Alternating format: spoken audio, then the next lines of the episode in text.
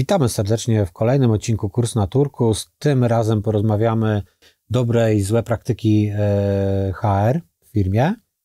I teraz po, podczas procesu rekrutacji e, moim gościem po raz trzeci, dziękuję za to bardzo, Krystian. Dzień dobry. Przedstawisz Cześć. swój punkt widzenia. E, jakbyś króciutko przedstawił się, bo jeżeli ktoś zacznie od tego odcinka, to żeby wiedział, jak pomagasz organizacjom na co dzień. Krystian Pluciak, prowadzę na co dzień Flow Up Group. Zajmujemy się systemowym podejściem do poprawy efektywności firm, zmiany środowiska pracy oraz kultury organizacyjnej. No i w kontekście dzisiejszego spotkania myślę, że istotne będzie, że około 12 lat temu wpadłem na pomysł usługi badania jakościowego Tajemniczy Pracownik, gdzie przechodziliśmy jako anonimowy, szeregowy pracownik wszystkie procesy rekrutacyjne od e, zbadania firmy, jakim jest e, pracodawcą, przejścia ogłoszenia, rekrutacji, wdrożenia do pracy, pracy i opuszczenia organizacji.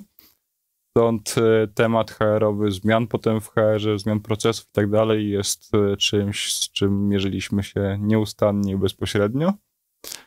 No i niestety większość praktyk była zła z tych, które widzieliśmy, no bo były to po prostu firmy, które potrzebowały pomocy Natomiast e, dzisiaj chciałbym poruszyć i te dobre, i te złe praktyki, żeby e, z jednej strony, żebyś jako słuchacz mógł coś usprawnić, a z drugiej przemyśleć, czy do końca robisz dobrze, poprawnie jakieś pewne czynności i procesy. Dobra. To teraz jakby z punktu widzenia mm, HR-owego, jak mówiłeś o tym tajemniczym pracowniku, mhm. to trochę tak podstępem mi zapachniało. Tak. E, to, czy to jest takie tak uczciwe w drugą stronę? Jak e, podstawiamy kogoś, żeby przetestować organizację? To zależy, jaki mamy cel tego, jaki jest produkt, który przedstawimy potem. Jeżeli produktem jest doniesienie, że Grzegorz na przykład źle pracuje, jest leniwy albo że nie działa w jakiś tam określony przez organizację sposób, to jest to donos i jest to nieetyczne. Natomiast jeżeli przyjdziemy do organizacji, żeby zobaczyć, jak Grzegorzowi może się lepiej pracować, dlaczego w jego dziale są problemy i tak dalej, czyli będziemy szukać przyczyn i rozwiązań, no to jak najbardziej wtedy jest to etyczne, bo wtedy pomagamy Grzegorzowi, żeby miał lepsze wyniki, żeby miał lepsze środowisko pracy. Wszystko zależy więc od intencji. Od intencji i przede wszystkim od osoby, która chce zamówić tę usługę. I od razu oczywiście dodam, że nigdy nie szpiegujemy ludzi, bo naszym celem jest pomóc organizacji i pracownikom. I mimo, że kiedy e, część osób, na przykład dyrektor HR, często się dowie, że taki projekt był w firmie, to w pierwszej chwili czuje się pewnie właśnie oceniony i to nie jest przyjemne. Natomiast w chwili, kiedy przekazujemy raport i jesteśmy dużym wsparciem, zazwyczaj zupełnie zmienia orientację. I to pod ogniem jest często zarząd danej firmy, no bo okazuje się, że tu przez ich polityki, założenia i sposób myślenia powstały pewne problemy w firmie. Natomiast e, takim kluczowym tutaj wartością, chociaż trochę odchodzimy od głównego tematu, jest właśnie pokazanie, w jaki sposób te polityki firmowe, system, jaki jest stworzony, czy środowisko pracy, wpływają na efektywność ludzi, na ich podejście do pracy, do kolegów, do klientów i tak. Więc można by to odebrać też jako taką jedną z pierwszych, często poważnych informacji zwrotnych, jakie dostaje zarząd. Dobra, to zachęcamy Was też do e, jednego z odcinków Kurs na Turkus, gdzie Ania z Berni. Mm, przedstawiają to, jak Berni przedstawia to jako nowo przyjęty pracownik do firmy, jak wyglądał ten proces rekrutacji. I tam trochę o rekrutacji i o, o jakby działaniu sprzedaży bez prowizji mm, i w takim innym modelu trochę. Więc wklejmy link w opisie, żebyście mieli jakby też e, inspirację, jak to wygląda u nas. Natomiast dlaczego z punktu widzenia Twojego ten temat jest e, ważny, istotny? Hmm. Dlaczego warto się w ogóle go poruszać? Pierwszy powód jest taki, że za około trzy pokolenia będzie nas mniej więcej 33% mniej. To znaczy, że będziemy się nieustannie starzeć jako społeczeństwo. Można by nawet powiedzieć, że trochę wygniemy jak dinozaury częściowo. Natomiast ma to bardzo duże implikacje, jeżeli chcemy prowadzić biznes długofalowo, czyli nie w przestrzeni dwóch, trzech najbliższych lat, ponieważ już teraz musimy myśleć nad tym, ile będzie mieszkańców w danym mieście, gdzie chcemy na przykład postawić e, firmę czy fabrykę, i myśleć nad tym, jak chcemy pozyskiwać ludzi do pracy, no bo to, że będzie coraz e, więcej osób starszych, a coraz mniej ludzi młodych, to jest jakby matematycznie nie do zmiany. Więc e, jeżeli jakaś organizacja nie bierze pod uwagę jeszcze procesu HR i w ogóle rekrutacji czy, czy, czy ludzi w swojej myśli strategicznej i, i braniu pod uwagę różnego rodzaju analiz biznesowych, strategicznych, no to może popełnić bardzo duży i bardzo kosztowny błąd w e, kontekście najbliższej przyszłości. Tak jak przedsiębiorstwa, które powstawały jakieś 5-10 lat temu, nie brały pod uwagę sytuacji, że w tej chwili będzie taka konkurencja na jakimś rynku lokalnym o pracownika, albo że ludzie będą przechodzić, którzy są specjalistami w tej chwili, na emeryturę, no bo w przeciągu gdzieś mniej więcej 10 najbliższych lat bardzo dużo spawaczy, specjalistów i ludzi z wykształceniem zawodowym, które teraz jest bardzo w cenie, jeżeli chodzi o wynagrodzenie i zapotrzebowanie, po prostu oni znikną z rynku. I co wtedy zrobi firma? Skąd weźmie tych ludzi? Czy będzie ich ściągać z zagranicy, czy będzie szkolić, czy odnowi jakieś szkoły zawodowe i tak dalej? To są kluczowe pytania, no bo nasze firmy składają się z ludzi. Jeżeli Dobra, nie będziemy... Przekonałeś mnie. Przekonałeś mnie. To Przyjmuję jeden, odcinek, nie dobra. Jeszcze odcinek... jeden konkretny argument. No dobra, dawaj. E, badanie na przykład Pracuj.pl bodajże z zeszłego roku pokazało się, że mniej więcej 9 na 10 kandydatów byłoby skłonnych rozważyć inną ofertę pracy. No i jest bardzo wiele różnych e, badań również tutaj właśnie w Polsce, jak to, które wspominam, które pokazują, że ludzie chętnie zmieniliby swoją pracę, gdyby dostali lepszą ofertę finansową lub tym bardziej lepszą, jeżeli chodzi o spełnienie zawodowe i tak dalej, talenty. Stąd e, drugim aspektem jest to, żebyśmy zaczęli dbać o ludzi, których już mamy w firmie, bo tak jak to, co jak trudniej jest pozyskać nowych klientów, lepiej zatrzymać i taniej e, tych, których już mamy, tak samo będzie trudniej pozyskać kandydatów niż zatrzymać tych, których już mamy w naszej organizacji. Rozumiem. E, to teraz byłeś tym tajemniczym pra pracownikiem. Na miałeś, początku tak. Miałeś jakieś przemyślenia. Co najczęściej nie funkcjonowało w tym procesie mm, rekrutacji? E, jakbyś miał top 3, bo to chyba jest takie bardzo mhm. modne, top 3, top 5, ale zróbmy top 3 najczęstsze błędy w procesie rekrutacji. Zanim odpowiem Ci na pytanie, zadam Ci sam pytanie. Co jest celem rekrutacji? E, celem rekrutacji jest pozyskanie osoby, która będzie fajnie dopasowana do zespołu mhm. E, i jakby będzie w stanie podjąć odpowiedzialność za to, co jest przedmiotem rekrutacji, czyli mhm mamy określone y, zadania, zakres zadań. Mhm. E, jeżeli ona chciałaby to wziąć na klatę, mówię, wziąć za to odpowiedzialność mhm. i fajnie się wpasowuje w zespół, mhm. czyli będzie jakby fajnym uzupełnieniem zespołu, e, to osiągniemy sukces rekrutacji, bo ja już nie mówię o tym pierwszym, pierwotnym, mhm. czyli pierwotny jest y, no, jakieś zwiększenie efektywności Nie, nie firmy. tu chodzi mi właśnie o to, co powiedziałeś. Jakbyśmy to zamknęli do określenia, że szukamy dobrej osoby, mając w głowie oczywiście to wszystko, co wymieniłeś, no to pierwszym takim aspektem jest to, że ludzie, którzy zajmują się tą rekrutacją, obojętnie czy to jest jakiś dział HR, czy dyrektor obszaru i tak dalej, prawdopodobnie nie mają tej świadomości, że szukają kogoś, kto ma być dobrym pracownikiem i biorą często byle kogo. O tym dlaczego i tak dalej, to będziemy mówić za chwilę w dalszej części. Albo z najlepszą CV-ką deputowałeś w pierwszym odcinku, w którym się spotkaliśmy, chyba do IT, podawałeś tam przykład, nie do IT, do spółki z Poznania, tak, możemy też częściowo do niego wrócić, bo będzie bardziej chyba, tak? istotny w e, kontekście samego procesu jakby rekrutacji. Natomiast chodzi mi o to, że jeżeli e, zaczynamy szukać człowieka, obojętnie czy to jest pakowacz na magazynie, czy dyrektor marketingu, no to powinniśmy szukać osoby, która jest dobra. Jest bardzo fajny cytat w mojej książce właśnie, że jeżeli zakładam, że szukam kogoś dobrego do mojej firmy, to jak ja się poddam i zatrudnię kogoś innego, no to będę hipokrytą, bo będę robił źle a ja chcę robić dobrze i to mówi Marek Śliboda, który jest prezesem firmy Marko.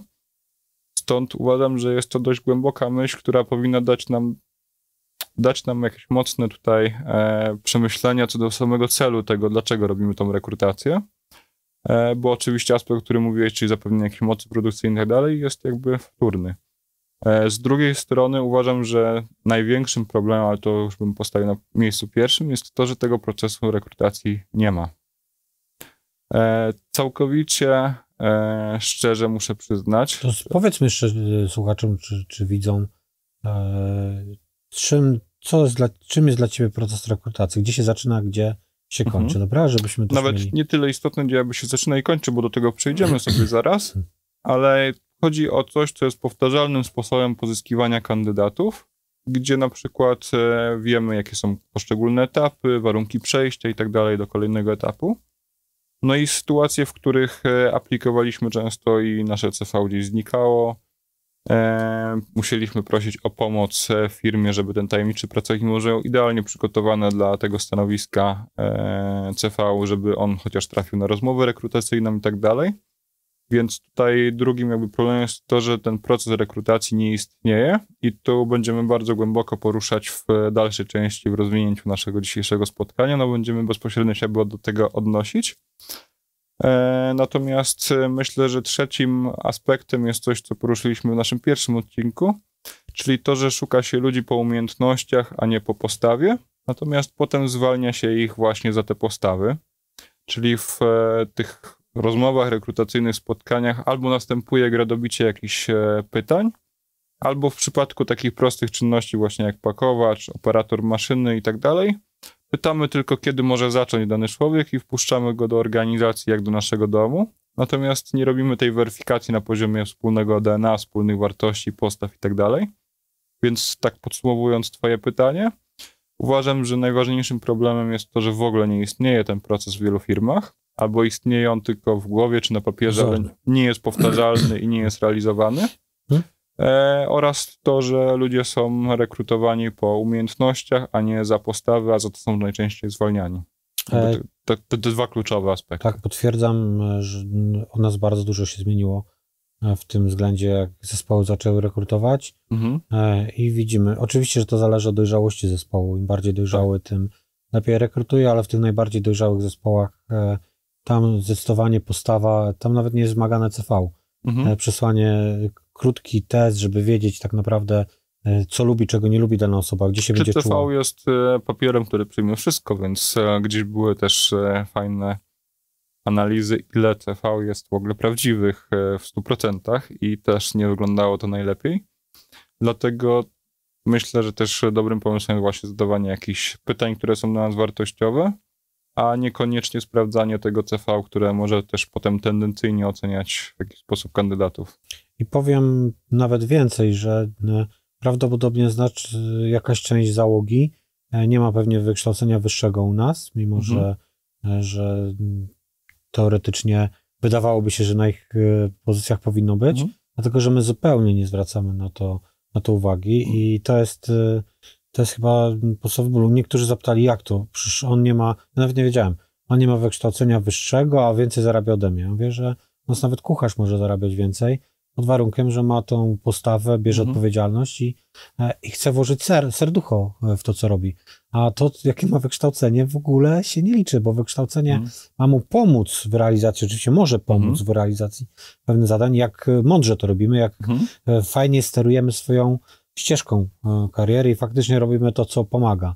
Natomiast w momencie, kiedy robimy na oślep i coś tam skończyliśmy, jakieś tam studia, bo mi rodzice kazali, mm, no i mam wykształcenie wyższe, wiemy jak wykształcenie wyższe u nas wygląda. Teraz prawie każdy może zdobyć to tak, tak zwane to, wyższe wykształcenie. Tak, to jest jakby, wy, wystarczy tylko wybrać odpowiednią szkołę. Tak, albo być pierwszym w kolejce do AWF-u w Poznaniu, bo tam kolejność zgłoszeń decydowała. Aha, kolejne zgłoszeń, dobra, tak. to nie wiedziałem. To za rok bym ewentualnie, jakbym się ubiegał, to... Można nadrobić. To można nadrobić, żeby się faktycznie szybciej zarekrutować. Więc to zostało tak zdewoluowane, że mhm. niektórzy nie dolatują i wręcz nawet zarzucają nam, jak to w ogóle nie zwracacie uwagi na wykształcenie, mam kompetencje, mam 15 lat doświadczenia, mam jakby bardzo dobre wykształcenie, i jak to? Jak, jakby zarabiam mniej niż kucharz? No, mówię, zadaj sobie pytanie, dlaczego. Mhm. No też pytanie o aktualność e, tego, co się przerabia na studiach, bo już nie mówię o kierunkach typu turystyka i rekreacja, które jakby niewiele wnoszą do na przykład twojego biznesu prawdopodobnie. Ale nie, kluczowa jest postawa, to co fajnie tak, powiedziałeś. Tak, tak, ale bo... na, chodzi mi o to, że na przykład kolega, który pracuje w Marko Gliwice, gdzie mają zarządzanie procesowe, są nazywani miejscem pracy marzeń i tak dalej, poszedł na studia właśnie, żeby uzupełnić zarządzania, no i dość szybko z nich zrezygnował, bo wszystko, co tam go uczyli, było niespójne z tym, co oni robili w organizacji, co przynosiło wyniki i rezultaty, więc... To pytanie... tylko pokazuje i dowodzi, że ważniejsze jest to, co chcemy w życiu robić, bo znajdziemy sobie sposoby, mhm. żeby się posiłkować, żeby się rozwijać, bo edukacja powinna być drogą do rozwoju, a tak nie jest. U nas to jest tylko nie. traktowane jako, e, jako checklista. No, mhm. trzeba to zrobić, bo rodzice mi kazali, tak. więc jakby, e, no to muszę po szkole średniej iść. W ogóle szkoła jest... Bo często przedłużenie okresu dzieciństwa, które jest okresem zabawy. No jest. Studia też jest, są fajnym okresem, że mamy jeszcze studia dzienne mm. gdzieś e, poza miejscem zamieszkania. No to niewątpliwie jest to najlepszy okres. Ja miałem, ja miałem właśnie w ten sposób, spędzałem, co prawda sam musiałem się utrzymać, więc jakaś była ta poprzeczka podniesiona, natomiast co do zasady e, najfajniejszy okres w życiu, no bo jednak jest się dorosłym, ale w sumie jeszcze niekoniecznie... No, ma tych wszystkich odpowiedzialności. Tak, tylko. dokładnie, więc jest to fajny okres. To jeżeli zabawowo, to traktujemy to jak najbardziej, natomiast rozrywkowo też. Mhm. Natomiast chyba nie ma takiego myślenia u nas jeszcze, że właśnie e, te studia, edukacja to mają coś nam dać. I edukować się możemy, nie wiem, na YouTubie, w internecie, gdziekolwiek, e, e, spotykając się z ludźmi, nagrywając kurs na Turkus, bo przecież co ja teraz robię, jak mhm. nie edukuję się, wymieniamy myśli, tak, porządkujemy mhm. sobie. To jest edukacja dwustronna i to mhm. różne mogą być formy. No jeżeli chciałbym na przykład nauczyć się nie wiem, użyteczności przy tworzeniu aplikacji, no to nie muszę już iść na pięcioletnie studia, gdzie będę musiał, nie wiem, rysować, zajmować Dokładnie. się rzeczami, które w ogóle też mnie często nie interesują, są nieefektywne i robione w taki biurokratyczny sposób. Wystarczy, że wykupię kilka kursów w internecie, e, pójdę na jakiś bezpłatny staż do jakiejś agencji i tak dalej, jeżeli oczywiście mam dryg do tego. Więc e, przy wielu aspektach też płynnego zmieniania dzisiaj zawodów, stylu życia i tak dalej, po prostu to jest nieefektywne. Mhm. Czyli jedno już jeden konkret mamy, taki podsumowujący tą pierwszą część, że zatrudniamy dla, ze względu na umiejętności, a zwalniamy ze względu na postawę tak. i 100% Wrzucę się potem podpisuje. ciekawostkę e, odnośnie jednego z pytań rekrutacyjnych, które można zadać, jeżeli ktoś ma już te papiery. Mianowicie zapytać o przedmiot pracy dyplomowej i o to, dlaczego ją wybrał dany człowiek bo to nam pokaże, pokaże, czy ten człowiek robił taką psychologię, żeby napisać temat, który jest powielalny i który łatwo wygooglować i tak dalej. Czy to jest człowiek, który jest bardziej ambitny i szukał jakiegoś górnolotnego tematu, czegoś nowego, chciał coś zgłębić, dowiedzieć się? To być może nam może coś podpowiedzieć o tym, jaki ten człowiek będzie u nas e, w organizacji. I to jest pytanie, którego jeszcze nigdy nie spotkałem e, zewnętrznie, czy żeby ktoś to pytał w e, formie właśnie rozmowy rekrutacyjnej, a uważam, że fajnie może pokazać podejście danego człowieka. E, do, do tego, czym się kieruje w życiu. Tak, tak, tak. To nie jest pytanie wprost, ale to jest odpowiedź właśnie. Chyba, że został zmuszony przez rodziców do pójścia na. Tak, ale, ale to też o nim świadczy. Może też o nim dobrze, dobrze lub źle świadczyć. Tak, tak, że nie ma własnego zdania. Tak. E, czyli mówiąc o procesie, wracając do samej definicji, nieważne jaki jest ten proces, ważne znaczy, czy jest to każda powtarzalne. organizacja powinna wypracować dla siebie. E. Jest e, firma przez Marcos Livid właśnie, która ma 11 bardzo etapów. dużą reklamę Pro... robisz, Marco. tak, znaczy... tak, tak, bo oni są po prostu firmą, która bardzo mnie tak, tak, tak napędza. Są też turkusowi. Znaczy oni się tak nie określają, ale tak okay. są określani zewnętrznie. Natomiast chodzi mi o to, że nie mają 11 etapów procesu rekrutacji, on jest długi, weryfikują praktycznie ja wszystko i tak dalej. Tak?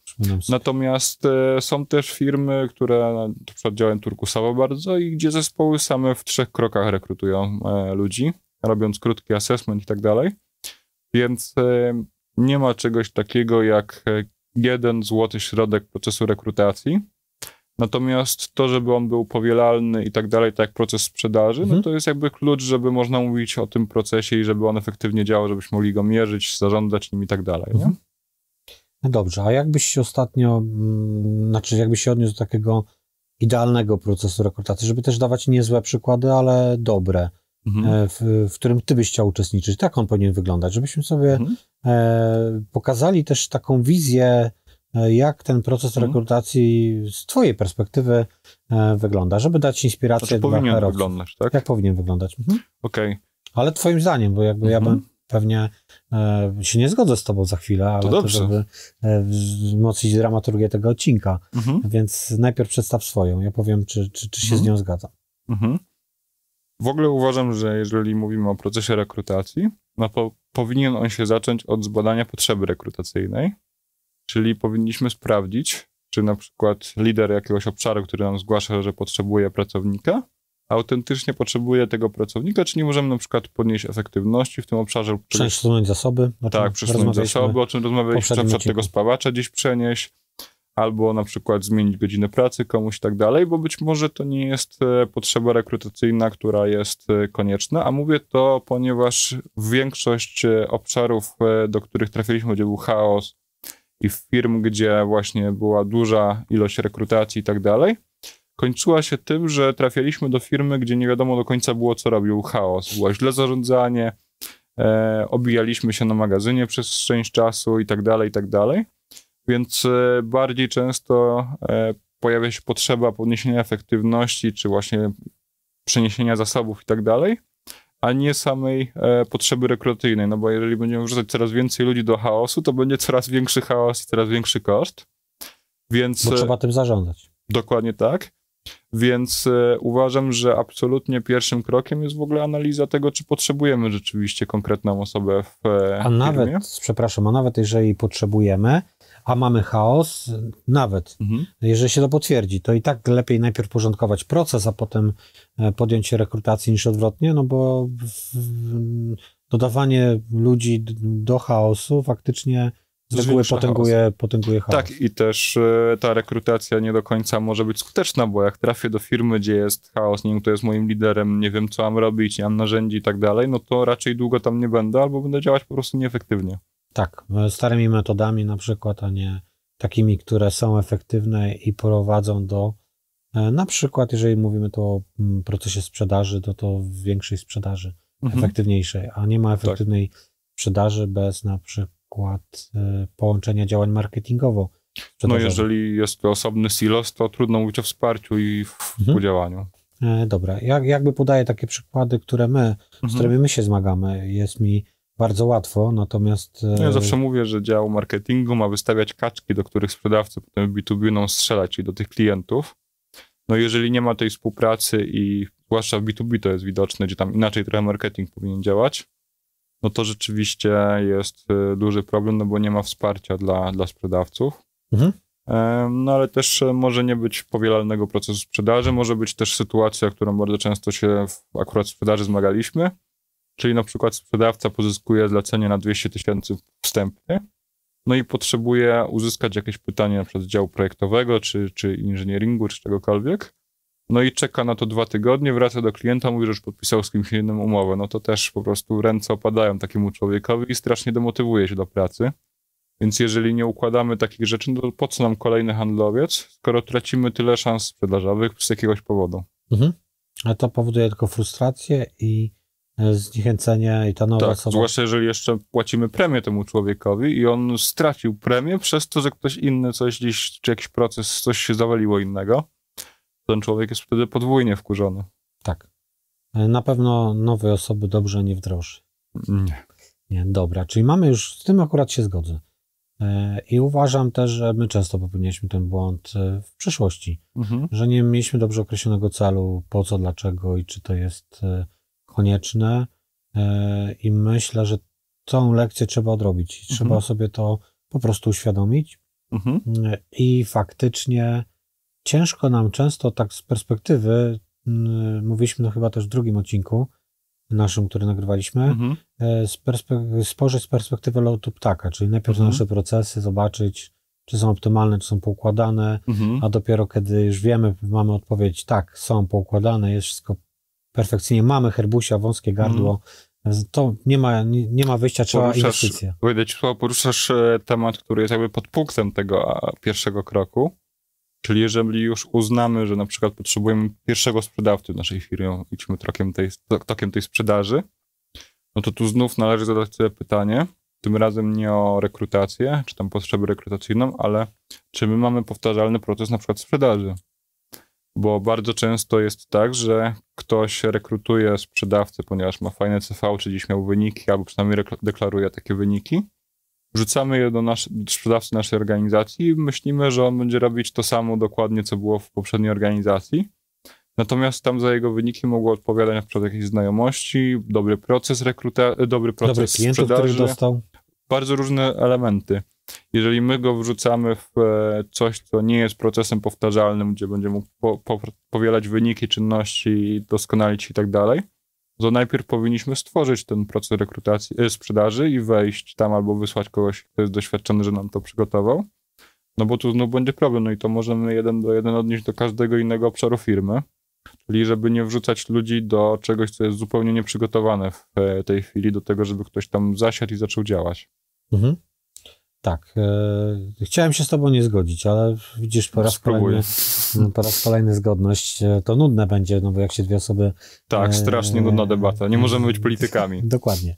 Nie, nie, nie pasujemy do tego. Tak, tak. E, to jaki jest następny proces? Mamy już ten określony cel, zbadaliśmy, poukładaliśmy procesy, mhm. poszukaliśmy wzmocnień mhm. wewnątrz, czyli poszukaliśmy wąskich gardeł, e, zrobiliśmy przeszeregowanie, jednak wiemy, że dobra, jest, mhm. jest wąskie gardło, potrzebujemy, nie wiem, niech to będzie kierowca tira, bo kupujemy sobie kolejnego do mhm. firmy, no to wiadomo, że jeszcze autonomicznych nie ma, w Europie mhm. jeździć nie mogą, więc póki co nie wyeliminujemy tego, tego pracownika. To będzie problem, bo teraz jest mało kierowców, ale... E, tak, mało, e... mało kierowców, ale dobra, podejmujemy decyzję, mhm. rekrutacja. No to teraz, zanim podejdziemy do tego kroku, cofnąłbym się jeszcze wstecz, czyli jeszcze przed mhm. określeniem tej potrzeby rekrutacyjnej. I tutaj mam na myśli tak zwany employer branding, czyli to, jak nasza firma jest postrzegana przez e, pracowników. No i tutaj e, mamy bardzo duże negatywne spostrzeżenie, jeżeli chodzi o te projekty tajemniczego pracownika i tak dalej. Mianowicie e, te działania były często robione w formie reklamy. Czyli Grzegorz, zapraszam cię na super film, będzie wspaniały i tak dalej, i tak dalej. No jeżeli buduję takie oczekiwania w stosunku do ciebie i pójdziemy, a ten film okaże się fatalny, no to będziesz czuć się rozczarowany. Tak samo, gdybym zapraszał na randkę kogoś i bym mówił, jak jestem wysportowany, bogaty, wspaniały, jakie mam wartości i tak dalej.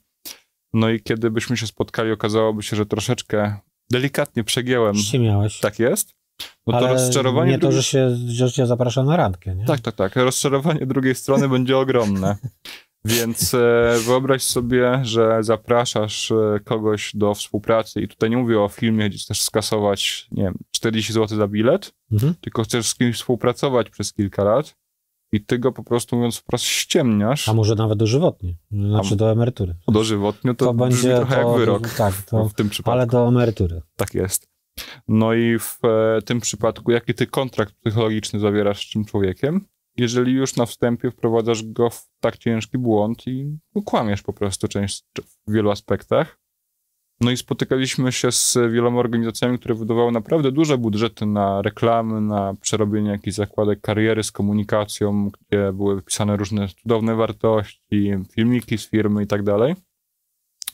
Natomiast kiedy na przykład trafiało się do takiej wiem, agencji reklamowej czy, czy jakiegoś biura projektowego, no to okazywało się, że tam jest zamordyzm, a te wszystkie wartości i tak dalej nie mają nic wspólnego z realnością. Pracujemy w chaosie, kobiety płaczą po nocach na nadgodzinach i tak dalej.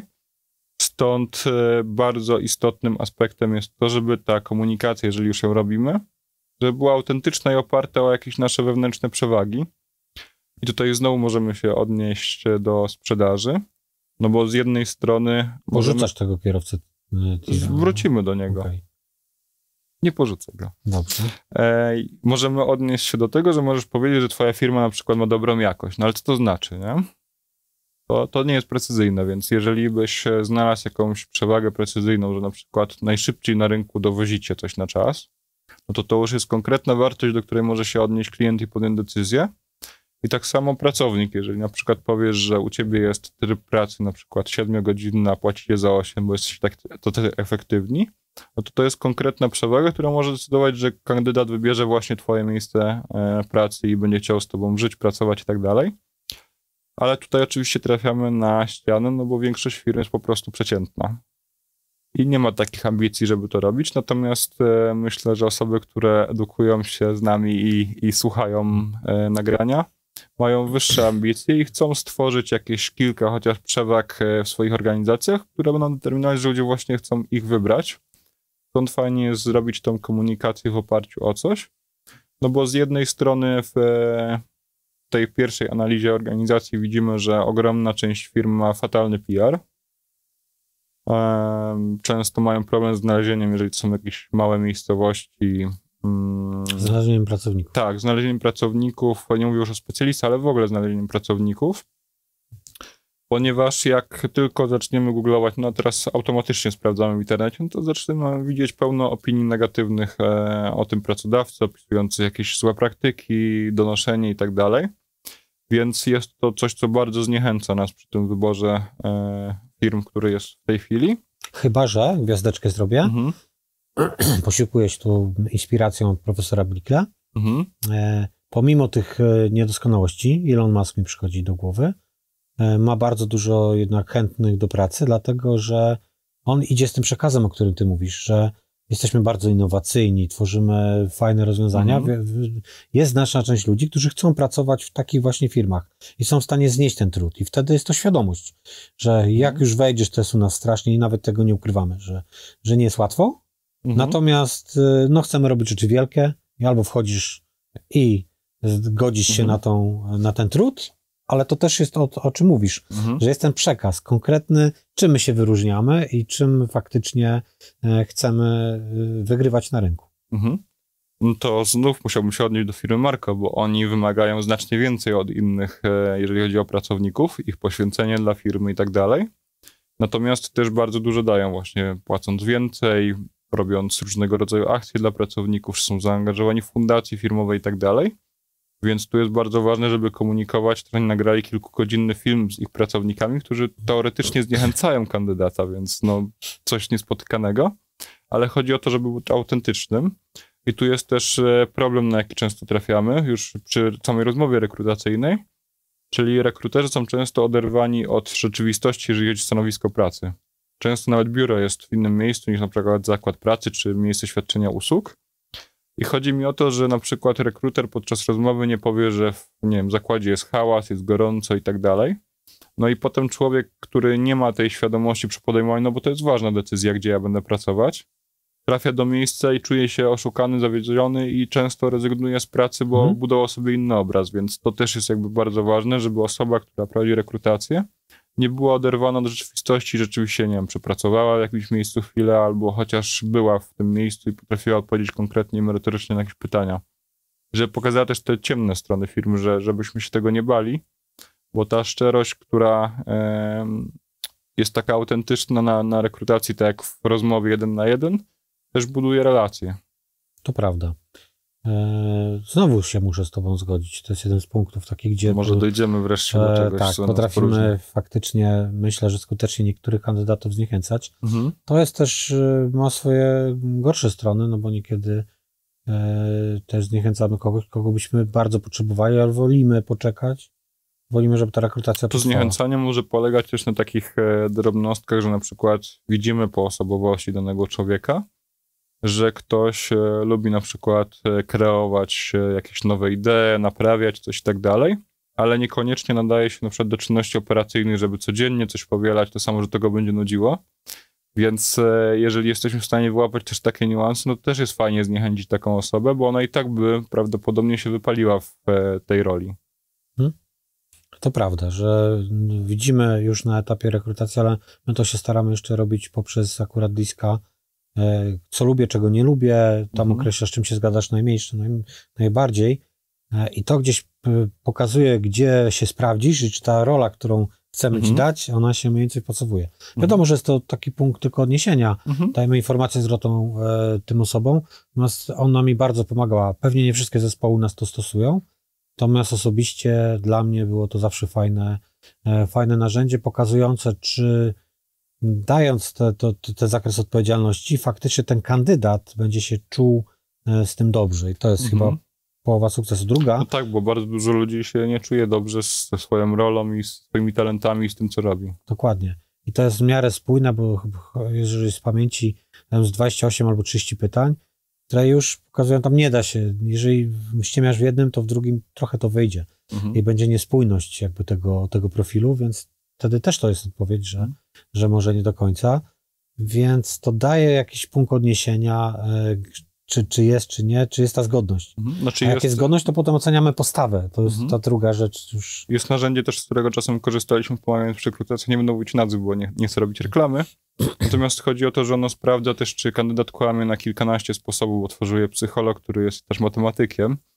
Więc e, sprawdza prawidłowości naszych odpowiedzi i na końcu nam wyrzuca odpowiedź, czy dany kandydat był zgodny ze sobą i czy nie próbował Straszne. czegoś namieszać, tak? Taka Natomiast ona nam też odpowiada właśnie na pytanie, czy ten człowiek pasuje, tak jak e, to mówiłeś, do danej roli, do danego stanowiska, z kim powinien pracować, jakie czynności lubi i tak dalej. Więc nie mówię, że nie jest to pożądana informacja, oczywiście, że ktoś kłamie czy nie, tylko mam nie wątpliwości. do końca to może być e, samo kłamanie, to może być też bardzo niska świadomość jakby siebie. A, Bo te rozumiem. pytania się powielają, są zadawane w podobny sposób i należy je uszeregować e, z różnymi podchwytliwymi sposobami pytań. Więc jeżeli ktoś mało zna siebie, to też jakiś hałas by pokazało, albo chce się pokazać konkretnie z jakiejś, e, chce pokłamać troszeczkę, żeby się dopasować do roli, którą mu proponujesz, no to to narzędzie też to wyłapie. Więc e, jest to o tyle fajne przy procesie rekrutacji, że e, jest jednym z niewielu narzędzi, które pozwala autentycznie sprawdzić danego kandydata, czy on pracuje w naszej organizacji i dać mu też szeroką informację zwrotną. Natomiast y, gdybyśmy robili, nie wiem, test talentów Galupa, osobowości MBTI i tak dalej, no to to są jakieś fajne rzeczy rozwojowe, jak jest ktoś w firmie, ale gdybyśmy to robili na etapie rekrutacji, no to ten ktoś może kłamać właśnie nawet nie tyle świadomie, ale chcąc się dopasować do roli. Podświadomie. Tak, bo, bo chce na przykład dostać tą pracę. No dobra, no to, to mamy już parę punktów. Niestety nadal jest ta zgodność. Mamy już ten. Wiemy, że chcemy rekrutować. Tak, y, wiemy, że chcemy rekrutować, mamy przygotowany proces i nasza firma jest e, miejscem, do którego świadomie trafia kandydat, bo pokazujemy te jasne przewagi, ale też informujemy na przykład z czym to się je. Nie że zniechęcił są się, y, Nie zniechęcił się. gra w tą grę nadal. Co dalej? Uważam, że powinniśmy sprawdzić, czy dany człowiek e, nadaje się do tego stanowiska od strony technicznej w taki prosty sposób. E, Nie przy wszystkich firmach, ale przy nie- niektórych, żeby nie tracić czasu na proces rekrutacji. Na przykład mieliśmy projekt e, w firmie, która z względów prawnych musiała mieć specjalne papiery związane z niekaralnością i jeszcze kilka innych. I tu bez sensu tracono czas obu stron na to, żeby się spotkać na spotkanie rekrutacyjne i tak dalej. I czasem wychodziło to dopiero przy podpisaniu umowy, która była niemożliwa. Stąd, jeżeli mamy jakieś specyficzne wymagania, które na przykład umieściliśmy w ofercie ogłoszenia o pracy, nie wiem, jakieś ubranie na wózki, e, znajomość jakiegoś sposobu zarządzania w IT i tak dalej, no to powinniśmy zrobić jakiś szybki Skype, telefon, czy jakieś formy kontaktu, żeby potwierdzić, czy rzeczywiście ta osoba e, spełnia te wymagania, no bo bez tego nie będziemy mogli dalej iść w kontekście tej danej roli. Nie. Jeszcze też musielibyśmy dać krok wstecz, bo zapomnieliśmy o robieniu ogłoszenia, co jest bardzo istotne moim zdaniem. Tak, to bo jeszcze jest e, już publikowanie ogłoszenia. Dobra, tak to bo jeżeli co mamy jest już do bani w ogłoszeniach? e, jeszcze, tak, najpierw powinniśmy zebrać wymagania. No bo zazwyczaj, jeżeli mamy osobę, która rekrutuje, Młody, piękny, z, młody, z dużym doświadczeniem, najlepiej Tak. 20-letnim. E, ale żeby nie miał więcej niż 25 lat, bo musi. Tak, tak. I jakby pasował się idealnie w ten zakres naszych Dokładnie tak. wymagań. Nie znał 10 języków, najlepiej był Mm. wszechstronny, Przynajmniej połowę, że koło, koło 100 języków, żeby znał. kostu. Tych No popularnych właśnie. oczywiście. Dobra, ale to tak się z, żartujemy sobie, ale mm, trochę ogłoszenia niekiedy podchodzą. Wie, Znaczy że ogłoszenia prze, brzmią w tej chwili w zasadzie często tak. W przekoloryzowaliśmy związku tylko. z dynamicznym rozwojem, obojętnie czy znajdziemy w internecie, że ta firma jest na skraju bankructwa, czy nie, to zawsze jest taki sam powód. E, bla, bla, bla. I potem mamy zazwyczaj trzy takie akapity, w których e, wymieniamy kilka punktów. Piszemy na przykład, że w firmie oferujemy e, nie wiem, szacunek na przykład widziałem kilka razy w ogłoszeniach. Ciekawe, czy wcześniej go nie oferowali. E, adekwatne do stanowiska, nie wiem, po to w ogóle pisać takie, takie rzeczy trywialne i tak dalej. W każdym razie chodzi mi o to, że te ogłoszenia po pierwsze niczym się nie wyróżniają. To jest absolutna katastrofa, no bo jeżeli piszemy coś, co jest formą afiszu, reklamy, czegoś takiego, no bo tak jest, bo konkurujemy z innymi, no to powinniśmy czymś wyróżnić to ogłoszenie. Nie chcę wchodzić w to, no bo każda firma ma inną kulturę, sposób działania i tak dalej. Natomiast e, powielanie takiego prostego schematu pokazuje, że ktoś w ogóle nie przyłożył się do tej rekrutacji, że nie jest zaangażowany w e, szukanie kogoś, kto Mhm. jest wyjątkowy, fajny i tak dalej, tylko po prostu robił to mechanicznie, kopiuj wklej jak jakiś bot. No i też często z tych ogłoszeń nie wynika zupełnie nic, w sensie e, mamy na przykład specjalistę do marketingu, ale opis zadania wynika, że będę sprzedawcą, handlowcem, więc nie wiadomo w ogóle o co chodzi, co ja będę robić, jaka będzie rola i tak dalej. E, już pomijam pisanie tam o jakichś owocowych czwartkach i tych różnych rzeczach, z których teraz pełno memów się tworzy w internecie. E, chodzi mi po prostu o to, że w, jest to forma ogłoszenia, w której powinniśmy się wyróżnić, fajnie zaprezentować firmę i jasno zakomunikować, kogo szukamy, do czego, jakie będą zadania i tak dalej, jaka będzie rola. No i niestety tego bardzo brakuje. A druga rzecz jest taka, żeby najpierw opublikować to, zwłaszcza jak mamy większą firmę, u nas wewnętrznie. Bo być może ktoś w firmie kogoś zna, może ktoś na przykład pracuje w marketingu, mógł przejść do jakiegoś innego obszaru przez sprzedaży i tak dalej, bo szuka takiej roli. Więc e, fajnie jest najpierw zakomunikować ogłoszenie wewnętrznie, a dopiero potem e, zewnętrznie. No i jeżeli już e, przechodzimy do tego etapu ogłoszenia, to tutaj kolejny e, ważny punkt, no to jest ten powielalny proces e, produkcji, czyli na przykład jak podaliśmy sobie ten aspekt związany z e, tym, że ktoś musi mieć na przykład jakąś, nie wiem, książeczkę Sanepid, to jest wymaganie, no to powinniśmy zrobić w warunku przejścia, jakbyśmy sobie taki kanban zrobili, że on nie może przejść dalej niż ta pierwsza rozmowa weryfikacyjna, jeżeli się nie upewnimy, że ma tą książeczkę Sanepid, no bo po co iść dalej, Czyli skoro to jest takie, jest kluczowe. Więc tutaj jest już konie- koniecznie zrobienie tego procesu rekrutacji tak e, rzeczowo, powtarzalnie, żebyśmy mogli go powielić. Nie? Tam, gdzie jakby mamy wytyczne i wiemy, że no nie, nie zatrudnimy danej osoby, jeżeli nie będzie miała pewnych uprawnień, na przykład na wysokościach Tak. czy innych. To mogą być też takie aspekty mm, nazwane miękkimi właśnie, czyli na przykład to, że nie weźmiemy kogoś e, do na przykład, e, nie wiem, jako dyrektora operacyjnego, jeżeli jest to osoba, która jest właśnie wizjonerem i nie lubi takiej codziennej pracy i dowożenia wyników, no bo ona może nie pasować po prostu do tej czynności, nie? Tak. Mhm. Tylko to są już aspekty, które per, per konkretna rekrutacja byśmy musieli sobie dopisywać, nie? Tak, taka checklista pod Zebranie dane... wymagań po prostu z działu, do którego musi trafić, czy tam obszaru, nie? Dobra. E, mamy to, mamy już to ogłoszenie. Mhm. Zgłaszali nam się kandydaci, zniechęciliśmy ich, ale nieskutecznie. No, Dalej sprawdziliśmy, czy mają Tak, uprawnienia. Mhm. Trafili nam do takiego lejka, gdzie komunikujemy się z nimi. No i w e, tej chwili przychodzi prawdopodobnie czas na spotkanie, czyli wybieramy już te osoby, które pasują do nas. Fajne jest to, o czym wspomniałeś, czyli pominięcie trochę tej, tego aspektu CV. Zwłaszcza, że są osoby, które potrafią przyjść pięknie ubrane w garniturze i pięknie się wysławiać, ale niewiele jakby to wnosi. No i tak samo jest w CV. No, wielu inżynierów ma okropne CV, ale stoi za tym bardzo duża wiedza merytoryczna i aspekty, które byśmy chcieli mieć w firmie. Stąd y, nie zawsze dobrze jest oceniać po CV, no chyba, że szukamy grafika, no to wtedy być może ten artystyczne, ładne CV, oczywiście takie designerskie, biznesowe, może być tutaj dużym atutem. E, No to bardziej wygląd, nie treść. no jeżeli szukamy grafika, to, to, to wygląd, Wygląd też CV. będzie bardzo No ważny. mówię, wygląd bardziej Mhm. niż nawet treść. Tak, tak, tak. Natomiast em, takie fajne badanie psychologiczne było, nie będę już autorstwa, to dawno czytałem. Natomiast e, chodzi o to, że w Anglii e, ludzie, którzy CV mieli wpisane runej, a wszystko inne mieli tak samo, bo robiono test e, taki, e, mówili, że ta osoba jest gorszym kandydatem, bo prawdopodobnie kojarzyła im się z e, tym, że to jest taki mietek w Polsce, który zużył alkoholu i tak dalej, takie popularne imię w- u osób e, tego, tego typu hobby. Stąd e, w ogóle patrzenie właśnie często na, na płeć właśnie i różnego rodzaju aspekty wiek i tak dalej może nas troszeczkę psychologicznie wpędzać w pewne pułapki i odciągać od tego, żeby dobrze ocenić kandydata, więc e, fajnym pomysłem jest właśnie zrobienie jakichś e, pytań, które są ważne dla, na zakładce kariery dla danego stanowiska, poproszenie o nakręcenie na przykład jakiegoś krótkiego filmiku, w którym się o czymś opowie i tak dalej, a to CV troszeczkę odsunąć, e, odsunąć na bok. Mhm. Dobra. Ktoś tam wysłał wideo CV. Tak jest. I trafia już, decydujemy się na jakąś pulę przeszedł tą kandydatów. checklistę, Mhm. e, spełnia, nie zniechęciliśmy go, czyli daliśmy Nie mu- udało się jeszcze. Nie udało się jeszcze na, na tym etapie. Przychodzi na rozmowę i co? No i w e, tej chwili powinni dostać też informację zwrotną kandydaci, którzy nie trafili do firmy. To Dostali. jest coś, co całkowicie leży w wielu firmach To prawda.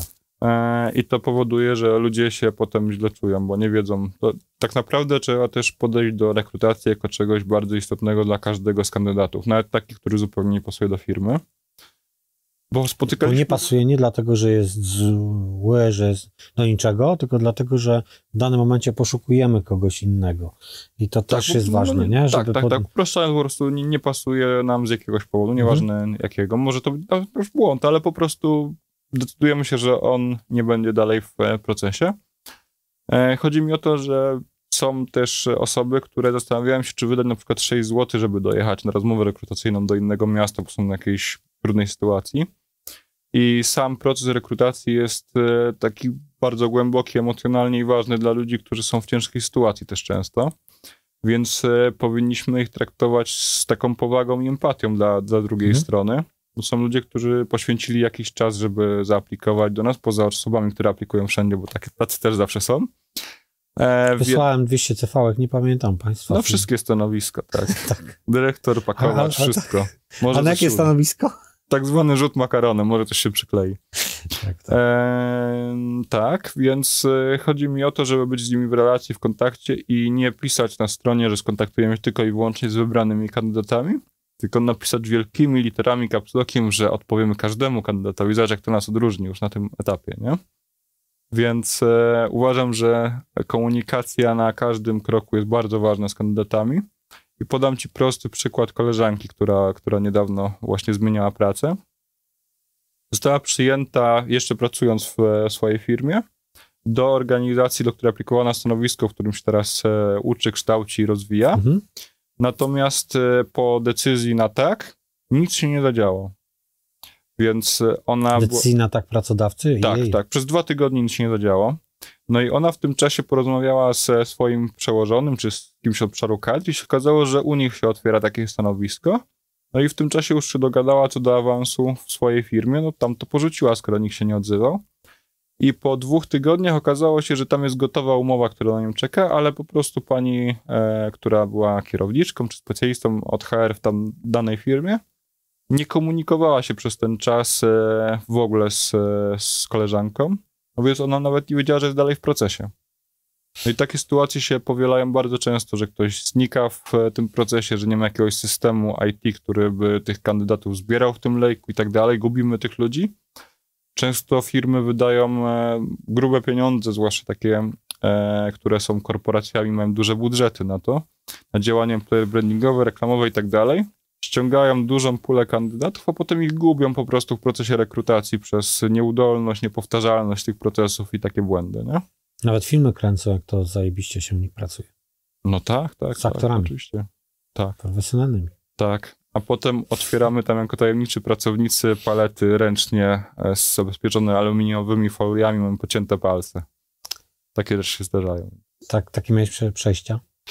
Ja już wtedy nie byłem tajemniczym, ale ktoś inny. No, gołębie, które dzieliły się tym, co mają najlepsze z pracownikami i z towarem na, na firmie. No, bardzo różne historie. No dobra, pamiętamy o tych informacjach zwrotnych. Tak. E, jest kandydat, jest super, przeszedł. I jesteśmy już teraz na tej rozmowie rekrutacyjnej. Mhm. E, I tutaj mi jest ciężko o precyzyjną odpowiedź, co powinniśmy zrobić, ponieważ to bardzo zależy od kultury naszej firmy, od tego, czy jesteśmy bardziej korporacją, czy firmą taką bardziej turkusową i tak dalej. My patrzymy głównie na to, czy jest flow. Myślę, że tak zespoły e, patrzą, czy jest flow pomiędzy. Mhm. I to jest główny czynnik. Tak, 90% myślę, że, że to jest jakby najistotniejsze, no bo tak jak mówiliśmy, jeżeli ktoś nie ma jakichś umiejętności albo czegoś mu brakuje, a postawy, no to się nauczy tego i tak, zmieni się. Albo powie szczerze, że się tego nie nauczy i musimy podjąć decyzję, na przykład, nie wiem, nie lubi czegoś nie, robić, i, a, a my potrzebujemy kogoś. Nawet takie krótkie pytanie zadałem ostatnio w procesie na programistę, tam był jakiś doświadczony gościu, programista, mówię, czemu go nie przyjęliśmy, e, przyjście? A wiesz co, zatrzymał się w rozwoju e, ileś tam lat temu i, mhm. i nic w tym kierunku nie, nie zrobił, nie chcemy. Mhm. Nie? Tak, tak proste. Podczas rozmowy byli w stanie to, to wychwycić. No jeżeli programista nie szuka nowych technologii, to bardzo łatwo pewnie idzie wyłapać, że się nie rozwija tak, zawodowo. Tu, tu szczególnie. Nie? To będzie tak. Parę tak, pytań tylko tak szczegółowych, a co sądzisz o tej technologii? Hmm. Mhm. e, więc jeżeli dla nas e, ważną wartością jest jakaś właśnie proaktywność i innowacje i tak dalej, no to ciężko będzie o takiego kandydata, żeby z nami współpracował.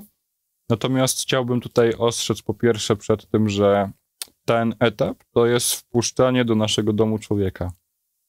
Czyli gdybyś chciał albo musiał ze względów ekonomicznych czy jakichkolwiek wynająć pokój w swoim domu, to bardzo mało prawdopodobne jest, może tutaj się nie zgodzimy, że albo wpuścisz losową osobę z ulicy lub taką, która ma, nie wiem, jakieś kompetencje w gotowaniu, e, albo że zlecisz tym bardziej zewnętrznej agencji, żeby ci poszukali kogoś i wrzucili do, do tego mieszkania domu, żebyś z tą osobą codziennie żył, spotykał się i tak dalej a musimy podchodzić do rekrutacji właśnie jak do procesu, w którym będziemy z kimś razem żyć przez następne 8 godzin codziennie, przez 5 dni w tygodniu, przez ileś miesięcy i prawdopodobnie lat. Więc jeżeli trafi do nas osoba, którą nie chcemy żyć na poziomie właśnie tych wartości, tego flow i tak dalej, no to ta współpraca będzie bardzo ciężka i osiąganie wyników, stąd e, ciężko będzie to zrozumieć i wyłapać taką osobę, jeżeli albo powierzymy rekrutację zewnętrznej agencji, no to, to, wydaje mi się totalnie irracjonalne, chyba że ta agencja miałaby szukać tam jakąś pulę kandydatów, z której my będziemy potem jeszcze rekrutować na przykład spawaczy czy specjalistów. E, a z drugiej strony, jeżeli będziemy robić jakieś gradobicie pytań, więc nie pozwolimy się otworzyć drugiej stronie, dojść do tego, co lubi, co ją napędza i tak dalej, jak się nam współpracuje, lub przejdziemy tylko tendencyjnymi pytaniami e, CV, ile tam pan pracował, dlaczego i tak dalej, no bo to nie pozwoli nam zweryfikować, czy to jest człowiek, z którym się komunikujemy właśnie na poziomie takim mentalnym, wspólnego DNA z naszą firmą. Kurczę, znowu muszę się z tobą zgodzić. No i jeszcze ten aspekt, o którym wspomniałeś, fajnie, żeby w tym etapie albo przynajmniej częściowo uczestniczył też zespół, bo to do nich ma trafić ten człowiek, a a nie do kogoś z działu HR zazwyczaj. Nie? Więc... No właśnie jest ten problem, że nie mamy, pytałeś nawet, czy mamy hmm. kogoś od HR. Nie, oczywiście jest lidia, która zajmuje się od, od strony bardziej, e, żeby, żebyśmy spełniali wszystkie wymagania, hmm. które wynikają z kodeksu pracy, ale nie, nie, nie mówię tutaj o HR-owcu, który myśli o rozwoju, o tym, e, jak prowadzić ten proces rekrutacji, w jaki sposób. To zespoły prowadzą i powiem Ci, że każdy zespół ma inny proces. Proces. Mhm. Więc jest on być może powtarzany, tego nie wiem nawet, mhm. E, w ramach danego zespołu, ale nie jest, e, nie wiem nawet, mhm. czy zespoły między sobą e, czerpią jakieś dobre, dobre praktyki. praktyki. Mam mhm. wątpliwości. Czy... Stąd właśnie fajnie, jeżeli jest przy największych firmach ten ktoś od zespołu HR, to uzgadniać ogólnie praktyki i tak dalej, Natomiast autonomię w podejmowaniu decyzji, zwalnianiu, zatrudnianiu i tak dalej, tych rzeczach zespołowych, jeżeli przechodzimy do pełnego turkusu, no to to już przechodzi do, do tych zespołów, to one mhm. tym administrują. Natomiast ta osoba jest częścią procesu po prostu i dba zwłaszcza o ten pierwszy etap oraz doskonalenie całości. Nie? No to mm, pozostawiamy naszych słuchaczy z bardzo długą listą e, od Krystiana e, i powiem tak, Zastosowanie tej listy z, naszego, z naszej perspektywy, a my całej jeszcze nie stosujemy, z tego co usłyszałem, albo jest to różnie w zależności od zespołu. No dopiero które, jesteśmy na etapie rozmowy, a jeszcze jest kilkanaście innych rzeczy, które mogliśmy omówić, ale... Które prowadzą. Natomiast tak, nie, nie chciałbym też wprowadzać e, takiego stanu e, niewiedzy. Chcę, żeby te odcinki były inspirujące. Jeżeli będzie duże zainteresowanie, to zrobimy dogrywkę. Natomiast dla mnie to jest już takie w miarę naprawdę duża dawka wiedzy dla kogoś, kto e, przyszedł sobie zewnątrz, żeby, żeby zobaczyć, tak, żeby zobaczyć, co w jego procesie jest nie tak i żeby poszukać inspiracji, bo o to chodzi. Mhm. E, nie chcę, żeby to były wykłady też mhm. i oczywiście zachęcam. Tak, ja też e, nie mówię, jak robić od A do Z, tak. tylko staram się pokazać pewne ramy, do których musimy się dopasować względem kultury i naszej firmy. I zawsze oczywiście może, może jeżeli jesteście zainspirowani, macie niedosyt, możecie napisać bezpośrednio mm, do Krystiana. E, kontakt, link do firmy będzie w opisie tego filmu. E, no i myślę, że to jest ten sposób inspiracji. My was mamy tu inspirować, mamy was zachęcać, mamy wam pokazywać. Ja uważam, mhm. że i tak jest całkiem potężna e, lista kontrolna co robimy dobrze, tak, co robimy źle. Trzeba zrewidować wiele rzeczy pewnie. E, trzeba wiele rzeczy zrewidować. E, potwierdzam, że jest to dosyć istotne e, z punktu widzenia. A was, drodzy kandydaci, jeżeli z jakichś powodów w naszej firmie z różnych, byliście w różnych obszarach i nie czujecie niedosyt, to, to chciałem was przeprosić. Nie wynika to z faktu takiego, że jest to jakby zła wola zespołów, tylko tego, że ten proces nie jest zestandaryzowany i jest on prowadzony w różnych zespołach na różny sposób, zresztą to, jak to czuje mhm. dany proces. Jak ktoś robi to po raz pierwszy, to wiadomo, że popełni mhm. sporo błędów. Jak będziesz miał trzecią, czwartą rekrutację, e, to, to będzie mu szło znacznie, znacznie lepiej. Mm, przez to też u nas nie jest to proces aż tak bardzo powtarzalny, e, gdyż e, nie zatrudniamy aż tyle nad. Mhm. To zatrudnienie wzrasta, ale ono wzrasta umiarkowanie.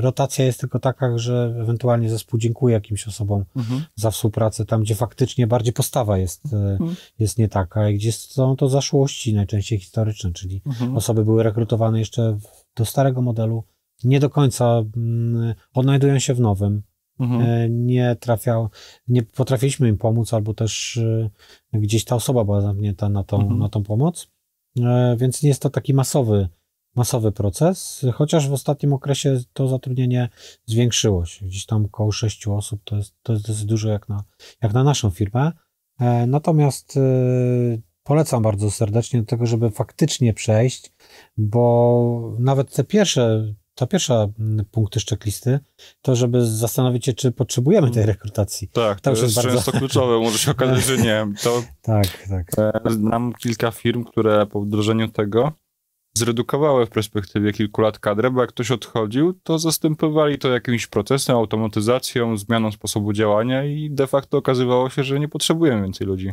Tak. To... A na przykład możemy podnieść wynagrodzenie komuś tak dalej. Mhm. Mamy wyższy fundusz mhm. na wynagrodzenia, wyższą stabilność, większą powtarzalność, robotyzacja w różnych obszarach. Tak, e, gdzieś tam bo automatyzacja nie musi polegać na tym, że mamy jakieś, nie wiem, manipulatory czy coś na produkcji. Można też automatyzować i to dosyć łatwo obieg dokumentów i różne inne kwestie. Prace biurowe, jak najbardziej.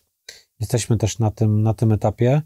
E, I za ten odcinek bardzo dziękujemy. Dziękuję, Krystian, za podzielenie się e, tymi uwagami. A jeżeli Wam się podobało, to, to dajcie znać. E, dziękujemy i do usłyszenia. Dziękuję.